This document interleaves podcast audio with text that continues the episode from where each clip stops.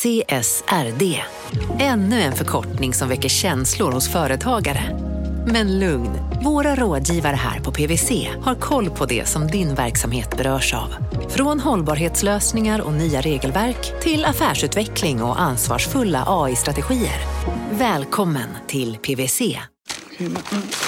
Men John, de här fakturorna, har du koll på dem eller? Att ha alla fakturor i en enda röra. Det är inte Telia. Oj, vad många. Att göra det lätt att driva företag. Det är Telia. Läs mer om fördelar med att samla IT, bredband och mobilt hos en leverantör. På telia.se företag. Om en så vidde på väg till dig för att du råkar ljuga från kollega om att du också hade en och innan du visste ordet av du hem kollegan på middag och... Då finns det flera smarta sätt att beställa hem din sous på. Som till våra paketboxar till exempel. Hälsningar Postnord. Okay. De Media Monopol, voilà le capital, avec Gunnar Arius et Jacob Bursel. Från Monopol Media, det här är Kapitalet. Med mig Jakob Bursell. Och med mig Gunnar Harrius. Hej. Hej, ska träffa Ronny Nilsson. Att låna pengar och köpa en bostad, det är för ganska många människor förknippat med en hel del ångest. Ja. Ofta är det ganska stora belopp på spel, affärerna går fort, eller gjorde det tidigare i alla fall.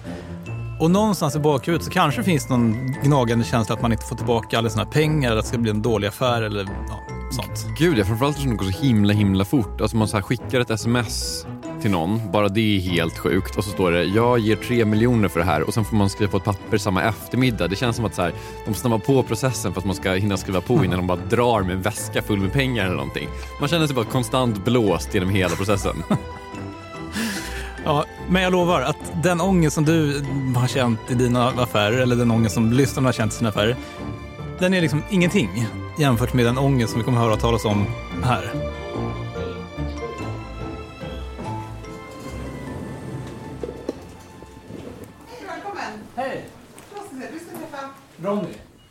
Ja, eh, det var sommaren 2015 när jag blev kontaktad av en person eh, som heter Mikael som hade fått ett brev från en bank. Den här historien handlar om en kille som heter Mikael.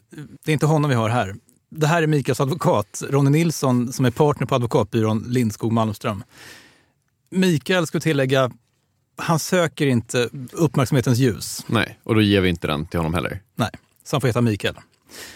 Men Ronny beskriver honom som en något äldre man, men inte äldre än att han fortfarande jobbar.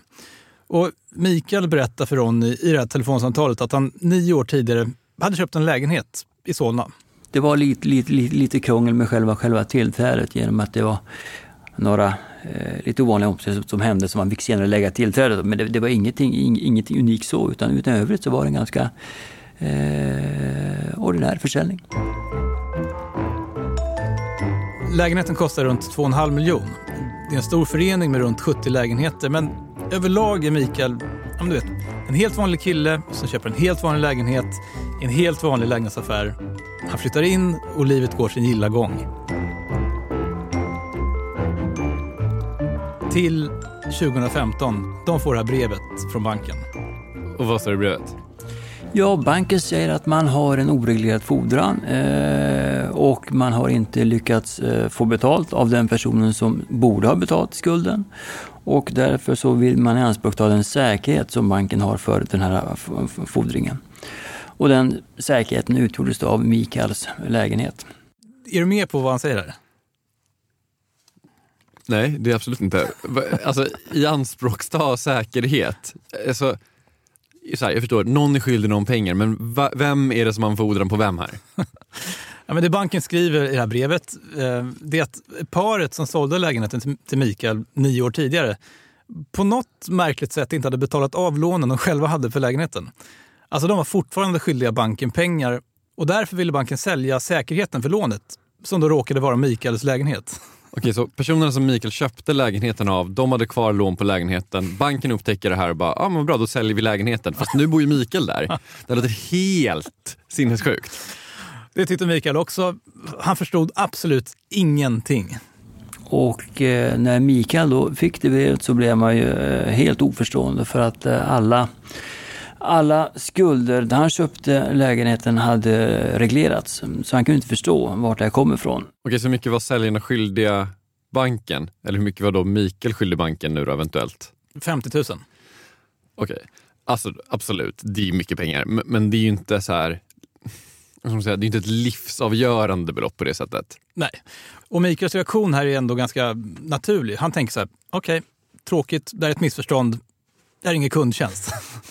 Det finns en lösning här någonstans, Ja. måste han ju känna. Ja. Så Mikael kontaktar kundtjänst och så får han hem en massa papper. Och då blev det ännu eh, mera tråkigt för Mikael för att utöver kravet från eh, den här banken så hittade han i, i dokumentationen att även ytterligare en bank hade ett krav på honom. Ett krav på eh, drygt en miljon.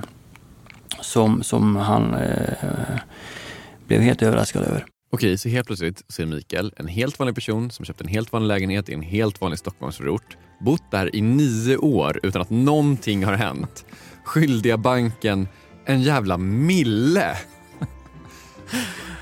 Och grejen är, det här handlar om helt vanliga lägenhetsaffärer. Folk budar, träffar säljaren hos mäklaren, mäklaren springer undan en stund och ringer något samtal.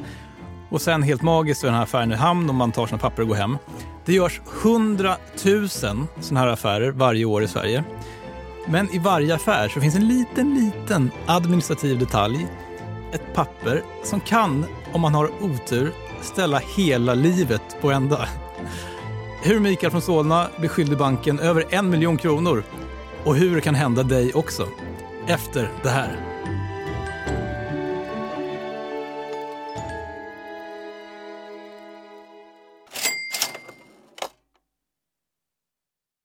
Vi sponsras av Storbrand Asset Management som ju förvaltar över 1000 miljarder norska kronor, bland annat för SPPs eh, många pensionssparare. För två år sedan så investerade Storbrand i drygt 60 tåg, alltså tågvagnar, eh, som rullar mellan London och Skottland. De leasar sedan de här tågvagnarna till tågoperatören som alltså kör tågen och säljer biljetter och sånt eh, med ett avtal på 27 år. Så britterna får nya fina tåg och Storbrands kunder, eh, däribland alltså SPPs pensionssparare, får en inflationsskyddad avkastning med låga risker under lång tid. Det här är ett av supermånga exempel på hur pensionskapitalet i växande omfattning bidrar till att bygga samhället och inte minst till att klara klimatmålen. Det behövs elproduktion, elnät, batteriparker, nya transportlösningar och allt möjligt. Bara i Europa antas investeringsbehovet för att klara klimatmålen uppgå till tusentals miljarder dollar. Och det här är ju pengar som ganska ofta saknas i statsbudgetarna. Däremot är det här pengar som pensionsbolagen kan vara med eh, och stoppa in, vilket ger pensionsspararna en fin avkastning under lång tid samtidigt som man är med och ställer om samhället. Vi har gjort ett helt avsnitt om det här eh, som man kan lyssna på. Det publiceras här i Kapitalet i mitten av maj. Ratta gärna in det om ni vill lära er mer om hur det här funkar. Men tack säger vi till Storbrand Asset Management som ju investerar i alla tänkbara tillgångslag, bland annat för pensionsbolaget SPP. Och tillsammans försöker ju vi, Storbrand och SPP, öka medvetenheten om hur pensionerna funkar och vilken roll pensionerna spelar i samhället och i ekonomin.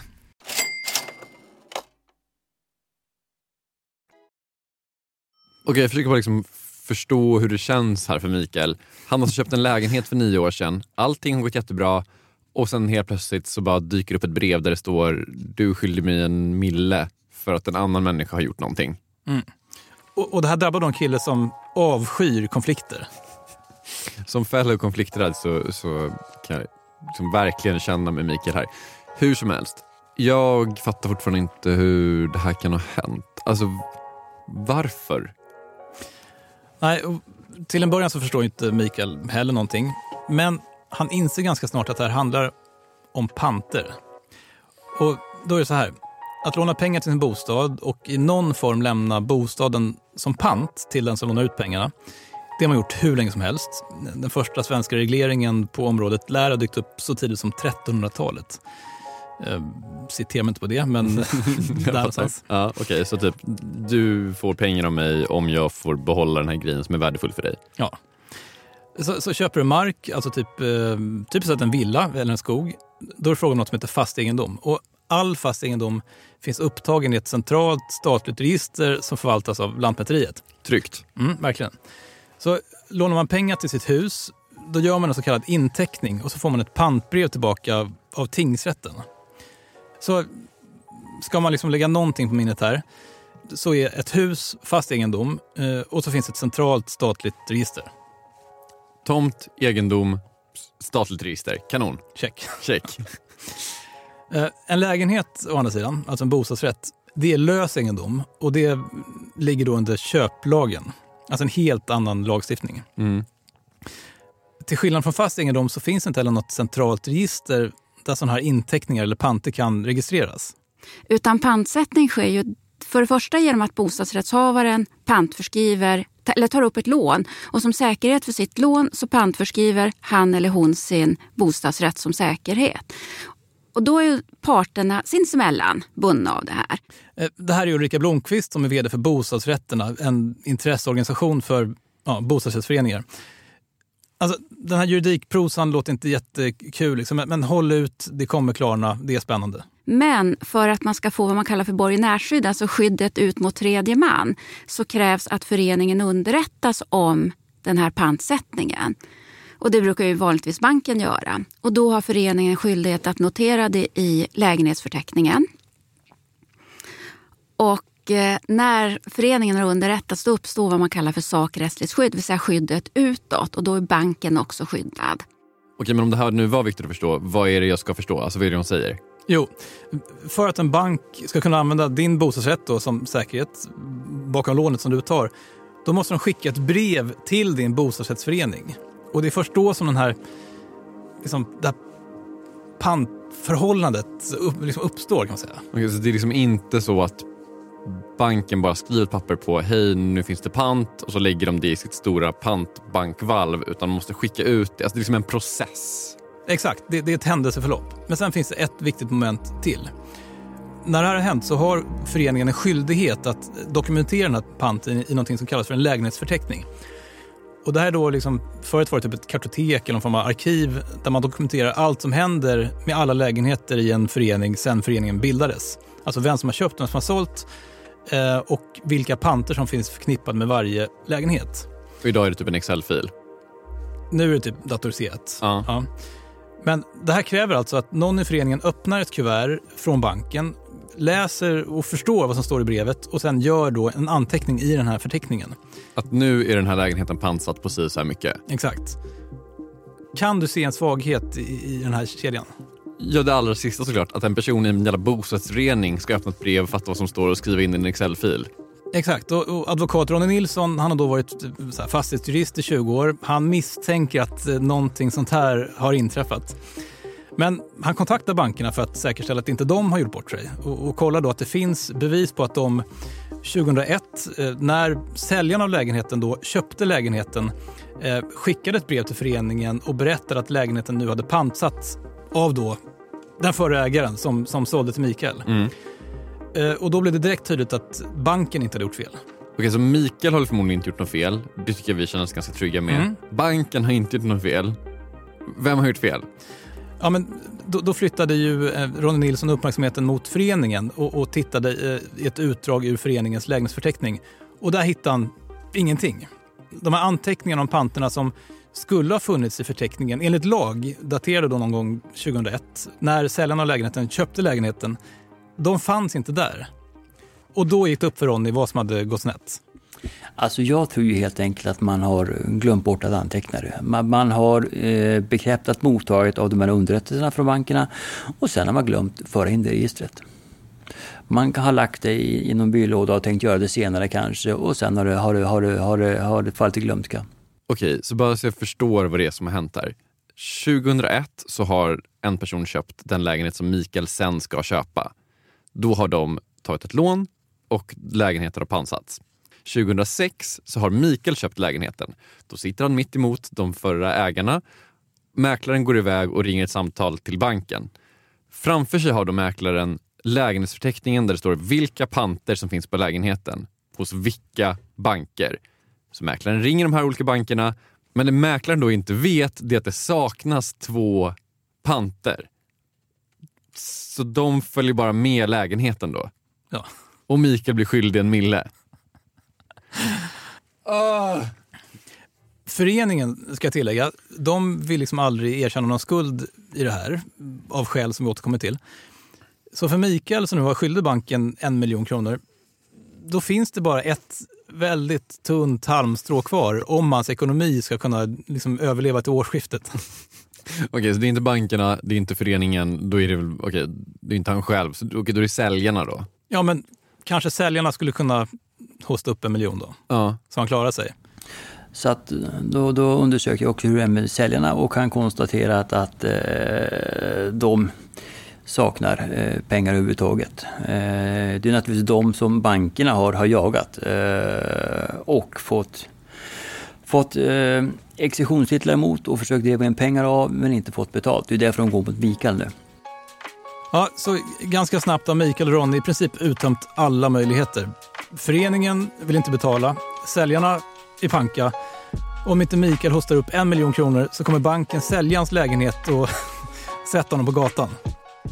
Alltså Mikael hade ju inget val. Eh, I, I det läget som, som, som, som vi hade så eh, fanns ju två banker som, som hade rätt att ianspråkta Mikaels eh, lägenhet. Och, och enda valet eh, han hade var att, att väcka talan eller att reglera bankernas eh, fordran. Så 2015 så stämmer Mikael sin egen bostadsrättsförening. En förening där han dessutom själv är en av medlemmarna. Hur det gick efter det här.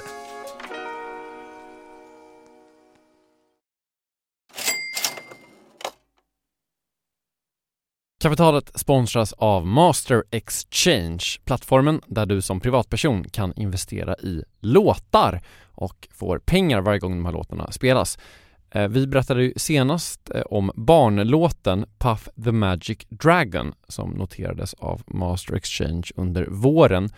Nu har utdelningen på den låten kommit, eller royaltyn som vi säger i musikbranschen. Eh, den ligger på drygt 12% i årstakt och det här är ju en avkastning som är helt okorrelerad till börsen. Till och med Goldman Sachs har börjat skriva om just musik som investering just ur det här perspektivet. Nu finns en möjlighet att investera i en ny låt. Eh, Låten heter Boss Bitch och den är av Doja Cat eh, som, eh, alltså jag ska inte säga att jag är superdeep här men eh, det är ändå en, en person som jag vet om det är. En, en världskändis. Den här låten gav baserad på förra årets spelningar en avkastning på drygt 13%. Master Exchange har just nu en väntelista på registreringar. Det, det går lite för bra för dem kan man säga. Men skriver ni in kapitalet som promo code så kan ni runda kön och ansöka om andelar i låten Boss Bitch ändå. Om ni investerar helt vanliga pengar, det är inget krypto eller sånt där, så vill du investera i musik och få en avkastning som är helt okorrelerad med börsen och kanske inte minst för att det är kul att äga låtar eh, så kan man gå in på masterexchange.com och använda kapitalet som promo code så går man alltså förbi kön. Kom ihåg dock att alla investeringar är förenade med risk men vi säger stort, stort tack till Master Exchange. Kapitalet sponsras av Karla, Jakob. Ja, bilar igen. Ja, det är härligt. På Karla kan man sälja sin elbil eh, på det gissningsvis smidigaste sättet i Sverige. Eh, Karla har ju ett fakt- nästan ett komiskt högt användarbetyg på Trustpilot. Mm. 4,8 av 5, vilket jag typ aldrig hört talas om. Nej, det är väldigt, väldigt högt. Eh, Man knappar in lite info om bilen på sidan, sen får man en gratis värdering och ett bud. Accepterar du budet kommer Karla och hämtar upp bilen gratis och sätter in pengarna innan de kör iväg. Inget mer än så. Rätt fantastiskt. Nej, det är faktiskt Ja. helt otroligt. Och eh, det kan bli ännu mer eh, otroligt än så. eh, För att vi har nämligen en rabattkod som ger dig 2000 kronor extra för bilen. Så att om du säljer din bil så får du två lax extra. Stämmer. Bara sådär. Eh, koden är Monopol och eh, den uppger du när du har värderat bilen och eh, pratat med Karlas inköpare. Koden är giltig till sista maj så att eh, passa på om du går i säljartankar. Jag undrar om vi haft en kod som har gett två lax bara sådär någon gång. Det är Nej, helt otroligt. man behöver en bil förvisso. Absolut, så det är inte, kanske inte bara sådär, men det är ändå 2000 kronor extra. Väldigt bra. Ja. Så sälj din elbil eller laddhybrid till Karla. Du får 2000 kronor extra med rabattkoden Monopol. Hoppa in och kolla på karla.se, Karla Museet. Där kan man också köpa bilar ska jag tillägga. Verkligen. Vi säger stort tack till Karla. 2015 så stämmer Mikael sin egen bostadsrättsförening i Solna tingsrätt. Ronny Nilsson är hans ombud och de kräver faktiskt inte föreningen på något specifikt så här, skadeståndsbelopp utan vill bara göra gällande att oavsett hur det har gått till eh, så är det föreningen som ska bära på skulden. För det fanns ju inga anteckningar i den här lägenhetsförteckningen. Mm, rimligt. Vad säger föreningen? En invändning var att, att, att eh, man hade bara lämnat ut uppgifter eh, om vad som de facto stod i registret eh, och det i sig kunde inte vara vårdslöst. Så man ville alltså bortse från att man hade eh, klantat sig när man inte hade fört register. Det här var första gången någonsin som ett sånt här fall behandlades i svensk domstol. Mikael vann i tingsrätten, eh, men föreningen överklagade till hovrätten. Mikael vann igen i hovrätten med minsta möjliga marginal ska tilläggas. Föreningen överklagade. Och 2019 så slog Högsta domstolen fast att föreningen hade gjort fel. Gud vad det inte är en grej man tänker sig ska hända när man går på någon så lägenhetsvisning i Solna 2006. Att så här, mm, det här kommer nog bryta ny mark i svensk rättspraxis. Nej, det trodde nog inte föreningen heller. Den här historien kan man följa faktiskt i föreningens stämmoprotokoll. Man kan läsa mellan raderna att det är ingen bra stämning här. här kommer en av medlemmarna eh, peka på att man gjort fel i föreningen för en massa år sedan, eh, då liksom ingen i styrelsen var engagerad. Nej. Och han vill ha en och en halv miljon kronor. Och de har haft en sluten omröstning och 32 grannar, eller vad det var, har då röstat för att stick Mikael, du får inga pengar. Åtta stycken har sagt klart killen ska ha pengar. Några har lagt ner, men man kan säga okej, okay, det låter inte som liksom ideal. Det blir lätt lite frostigt när någon vill ha en mille. Ja. Men eh, till slut så, så, kom det här domslutet i Högsta domstolen och eh, föreningen betalade faktiskt en och en halv miljon kronor i skadestånd till Mikael. Och det här är pengar som föreningen tar ur sin egen kassa, rätt upp och ner. Eh, turligt nog så var det en stor förening med 76 lägenheter så att jag tror att det motsvarade runt eh, 20 000 kronor per lägenhet. Men eh, nu är frågan löst och Mikael han bor kvar i sin lägenhet i samma förening. Oerhört lättad för, för Mikaels skull. Eh, det var, det var, eh, och det såg jag på honom också att han var oerhört glad och lättad av att få, få, få lägga det bakom sig. Så att, eh, nej, jag var, var naturligtvis lite, lite glad och stolt över prestationen också. Alltså så här, han har såklart haft jätteotur i flera led och det har slarvats på olika håll. Men om man ska komma till liksom kärnan av den här historien så är det väl helt sjukt att vi har ett system som funkar så här. Att ett centralt moment ska vara den här pantförskrivningsprocessen där en styrelseledamot i en jävla bostadsrättsförening ska så här, öppna ett kuvert från banken, skriva in den i en lägenhetsförteckning. Alltså man ska komma ihåg också att ingen vill sitta i en bostadsrättsförening. Jag vill inte, du vill inte, ingen vill sitta. Alltså så här, det är, ju det är som en, en trop i en komedi att man vill ju inte sitta med i bostadsföreningen och ingen vill ju det. Och jag fattar varför om man kan råka liksom blåsa egna föreningen på en och en halv mille bara att man glömmer att skriva upp en grej i ett Excel-dokument. Alltså vad är det som pågår? Det här är en fråga som har stötts och blött i, i, i politiken jättelänge. Eh, och, och, så här säger Ulrika Blomqvist på bostadsrätterna. Har, frågan har ju utretts ett antal gånger. Eh, det kom en utredning 90, ja, i slutet av 90-talet där man föreslog ett bostadsrättsregister som i princip såg ut som det som gäller för fastighetsregistret med inteckningsmodell och så vidare. Men det gick man inte vidare med. Sen har det utretts, kom ett annat förslag och det finns en departementspromemoria där frågan har utretts. Men eh, 2013 så, så fastslog eh, dåvarande regering att nej, vi ska inte ha något sånt register. Riksbanken vill ha ett centralt statligt register. Bankerna vill ha ett centralt statligt register. Kronofogden vill ha ett centralt register. Lantmäteriet vill ha ett register. Även mäklarna skriker efter ett centralt register. Eh, enligt Svenska bankföreningen har gjorts en undersökning som visar att två av tre mäklare, jag citerar, ofta eller ibland får felaktiga uppgifter om pantsättning av lägenheter. Oh, det, det, det, är liksom för, det här är ett ämne för en mardröm. Nej, men alltså jag får svaga handleder bara av att höra dig säga orden ofta eller ibland. Alltså jag bara så här, har jag koll på om någon har gamla pantbrev på min lägenhet? Det är klart jag inte har det. Alltså, I teorin skulle det kunna finnas jag vet inte, massa lägenheter där ute som bara är pantsatta i någon annans namn än den som faktiskt äger lägenheten. Ja, det verkar så. Men om det är då så att de flesta verkar vilja ha ett centralt register, alltså, så svårt kan det väl inte vara att upprätta ett centralt register, eller? Ronny, som även han ska tilläggas, vill ha ett centralt register. Han tror att det kan finnas lite, ska säga, incitament med i bilden. Men, men, det, men det är klart att det finns, det finns stora aktörer som, som, som kanske haft det som, som en, en, en viktig intäktskälla att, att, att, att hantera föreningars eh, register. Eh, Ehm, sen om det har varit det, det avgörande skälet, det vet jag inte. Men, men, men jag, var, jag känner till att det har funnits olika förslag med att man ska införa ett, ett, ett, ett centralt register. Men att det aldrig har, har gått i mål. Och, och, det är så här, väldigt många bostadsrättsföreningar använder ju sig av en ekonomisk förvaltare som ska sköta allt det här åt de här personerna som inte vill vara med i styrelsen. Och då har det uppstått en väldigt stor marknad för sådana tjänster. Problemet är bara att så länge den nuvarande ordningen består så måste man ju faktiskt som köpare av en lägenhet helt enkelt lita på att föreningen har ordning på sina papper. För att det enda man kan göra för att liksom verkligen försäkra sig om att det här inte händer en själv, det är att undersöka vilka panter som finns i den här förteckningen. Men, Men då ser man ju inte vilka som inte finns. Precis, det går ju inte. Då måste man ringa alla banker i ja, men typ världen. Jag, jag är ledsen att säga det, men det är det jag kommer göra när jag kommer hem idag. alltså, jag bara... Uh. I alla fall, du har lyssnat på Kapitalet. Eh, direkt efter det här så kommer ett reportage om den svenska hyresregleringen och hur den kanske inte fungerar som det var tänkt. Eh, det här är i alla fall en av slutsatserna från ekonomen Fredrik Kopsch eh, och vi har träffat honom. Vi finns på Instagram, Twitter, Facebook och så vidare. Kontakta oss gärna där. Vi är tillbaka om en vecka. Hej! Hej!